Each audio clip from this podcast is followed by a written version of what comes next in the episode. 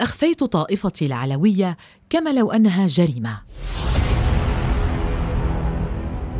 كانت مخاوفي في المرحلة الابتدائية للمدرسة تتلخص في أمرين اثنين. الأول عدم الحصول على الدرجة الكاملة أو شبه الكاملة في مادة الرياضيات. والثاني انكشاف حقيقة كوني أنتمي إلى طائفة تسمى العلوية. تمخضت هذه المخاوف عن تراكم العديد من الحوادث التي وقعت أمامي. والتي جعلت مثلا من الرياضيات معيارا للذكاء.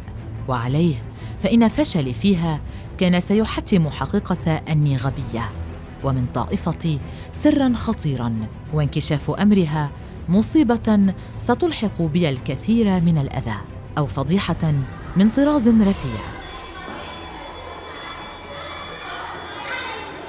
في يومي الأول في الروضة ناداني والدي بعد عودته إلى المنزل من عمله. وكان سؤاله الأول لي عما إذا تحدثت باللهجة الشامية أو الجبلية؟ الجبيليه كما نسميها مع أصدقائي الجدد. صمت قليلا ولم أرغب حينها بالكذب فأنا لم أكن أعرف في ذلك الوقت ما إذا كنت قد أتقنت اللهجة الشامية التي دأبت أمي وأخواتي على تعليمي إياها قبل موعد بدء الفصل الدراسي. فطمأنته قائلة حكيت شامم مطرطق ذهبت أنا وأخواتي اللواتي كن ملتحقات بمدرسة ذاتها إلى أمي لنطلب منها ألا تسمح لأبي بالقدوم إلى مدرستنا ثانية. قائلات لها بصوت واحد إنه يسبب لنا الإحراج بلهجته. لم أفهم في سن ذاك ما معنى طائفة دينية ولكن ما فهمته هو أني أنتمي إلى شيء ما. يستخدم فيه حرف القاف بكثرة ولديه أيضا مقامات. وأضرحة لرجال موتى يحظون بقدسية خاصة ويأكل ناسه البرغل بالحمص وفطائر السلق ومنه تنتشر الأغاني الصاخبة وتكون أعراسه مختلطة ولا تغطي النساء فيه رؤوسهن بأقمشة بيضاء أو داكنة وأن ما سبق كله يجب أن يبقى سرا لا نبوح به للأغراب أي لمن لا ينتمون إلى الطائفة العلوية كلهم لأنهم يريدون أن يلحقوا بنا الأذى أو سيسخرون منا في أحسن الأحوال إذا ما انكشف أمامهم أمر طائفتنا. طوال سنوات دراستي في المرحلة الابتدائية خصوصا في الصفوف الأولى حين كنا اطفالا بألسنة طازجة وعقول طرية كنت أخشى من أن يفلت من حلقي حرف القاف وأن يسقط في كلمة صندوق أو فندق مثلا. لذا رحت أطارده في احاديثي كمجرم أو كندبة قد تشي للآخرين بحقيقة من أكون. كما كنت شديدة الحرص على الكسرات والفتحات والضمات وأحذر من قول سيارة بتسكين السين والياء بدلا من فتحهما أو من قول غرفي بالتشديد على الكسر في نهاية كلمة غرفة بدلا من لفظها بخفة عند الياء كأهل الشام. كانت الكبوة في كلامي هي الطامه الكبرى بالنسبة إلي. فخوفي بعد أن اختلطت بالتلاميذ وكونت صداقات معهم صار مضاعفا. لم يعد خوفا مبنيا على تحذيرات عائلتي فحسب بل صار مبنيا على وقائع حدثت معي شخصيا. في إحدى المرات كنت جالسة مع صديقاتي وكنا آنذاك في الصف الرابع وتطرقنا إلى موضوع الحجاب. فسألت إحداهن كل واحدة منا أنت علوية؟ نطقت صديقتي التي بالقرب مني. محتدة ما فشرت تكون علوية. خفق قلبي حينها بشدة وأصابني توتر. حاولت إخفاءه بالإجابة عن السؤال الذي وصل إلي. لا طبعا. شعرت حينها بمدى خطورة انكشاف أمري وكم من السيء أن يكون المرء علويا. ورحت أخضع قصصي وحكاياتي الشخصية جميعها لتعديلات غاية في الدقة.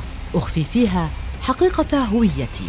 فإذا ما سئلت عن غداء اليوم السابق الذي أعدت أمي فيه البرغل بالحمص استبدلته بالمعكرونة. وإذا ما سئلت عن المدينة التي أنتمي إليها استبدلت سهل الغاب في حماة بالشام.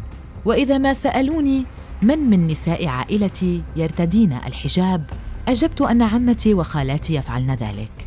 ولم يكن في الوارد أن أقول إن أمي ترتدي الحجاب فهي كانت تصطحبني من المدرسة في بعض الأحيان وكان ذلك سيكشف كذبتي للجميع.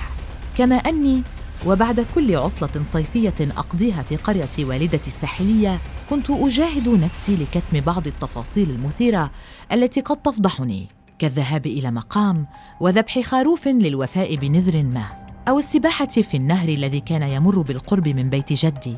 فأنا لم أرغب بأن يعرفوا أني أنتمي إلى قرية أيضا لأني كنت أظن أن القرى للعلويين فحسب وأن أبناء الطوائف والأديان الأخرى ليس لهم من موطن سوى المدن الأنيقة والمرتبة. وفي يوم عادي من أيام المدرسة حدث ما كنت أخاف منه والحكاية التي غزلتها بعناية تمزقت وكشفت كذبي أمام الآخرين. فقدوم والدي لاصطحاب من صفي كان بمثابة ورطة لم أتمكن من الخروج منها بشكل كامل منذ ذلك الحين.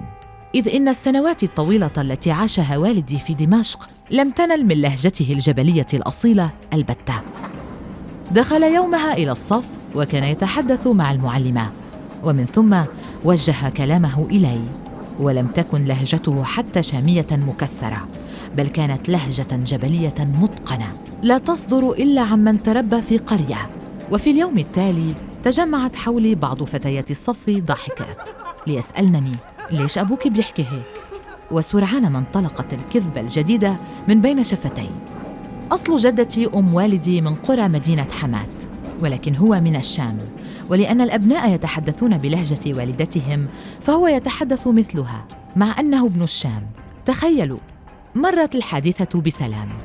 ولكني شعرت بأن شكوكا بدأت تدور حولي.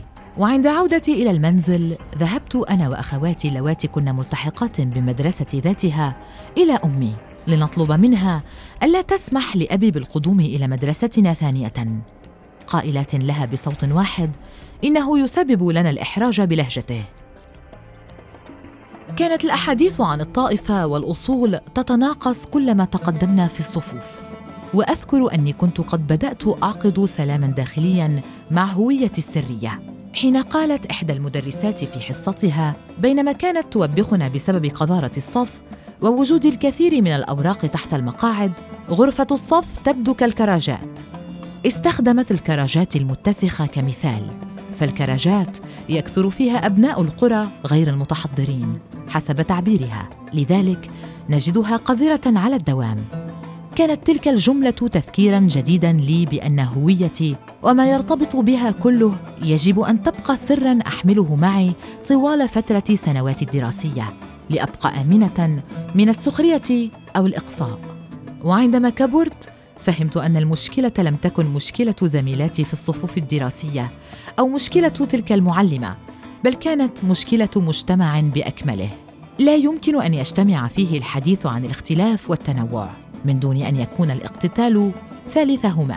بالإضافة إلى افتقار الحديث عن أبناء المحافظات الأخرى ولهجاتهم وثقافاتهم في الإعلام واعتماد العاصمة دمشق واللهجة الشامية كمركز لسوريا وللمجتمع السوري. فحكايتي إذا ما عزلنا عامل الطائفة منها ستجدها تتشابه مع حكايات العديد من القادمين من دير الزور أو البوكمال أو درعا. تجربتي كفتاه أصولها من القرى وتنتمي إلى الطائفة العلوية ولدت وعاشت طوال حياتها في مدينة دمشق. سببت لي الكثير من التعقيدات في علاقتي مع هويتي. فأنا وحتى فترة قريبة كنت أعتقد أن سكان المدن أرقى وأفضل من سكان القرى وأن لهجة أهل دمشق أكثر أناقة من لهجتي القروية. وما زلت حتى هذه اللحظة عاجزة تماما عن الحديث بلهجتي الأصلية التي أتحدث فيها مع عائلتي عند التواصل مع الغرباء. سأبلغ السابعة والعشرين عما قريب وأكتب الآن لاكسر جليدا عمره سنوات وأحاول أن أفتت أسطورة الطائفة السرية وأن أجد متسعا لأفراد الطائفة العلوية في النسيج السوري وفي المشهد الاجتماعي. لا كابناء قرى ساذجين ومعتقداتهم الغريبة هي ما يميزهم كما تظهرهم الدراما السورية فحسب.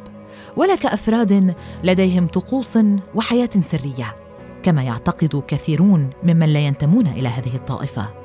أكتب وكل أمل بأن لا تضطر فتاة في المستقبل إلى تزييف أصولها كي تسلم من الإقصاء أو السخرية سواء أكانت من مدن الساحل أو من حماة أو من الجزيرة وأن يصبح التنوع الطائفي والديني والثقافي جزءا حيويا ومهما من الوعي السوري الجماعي.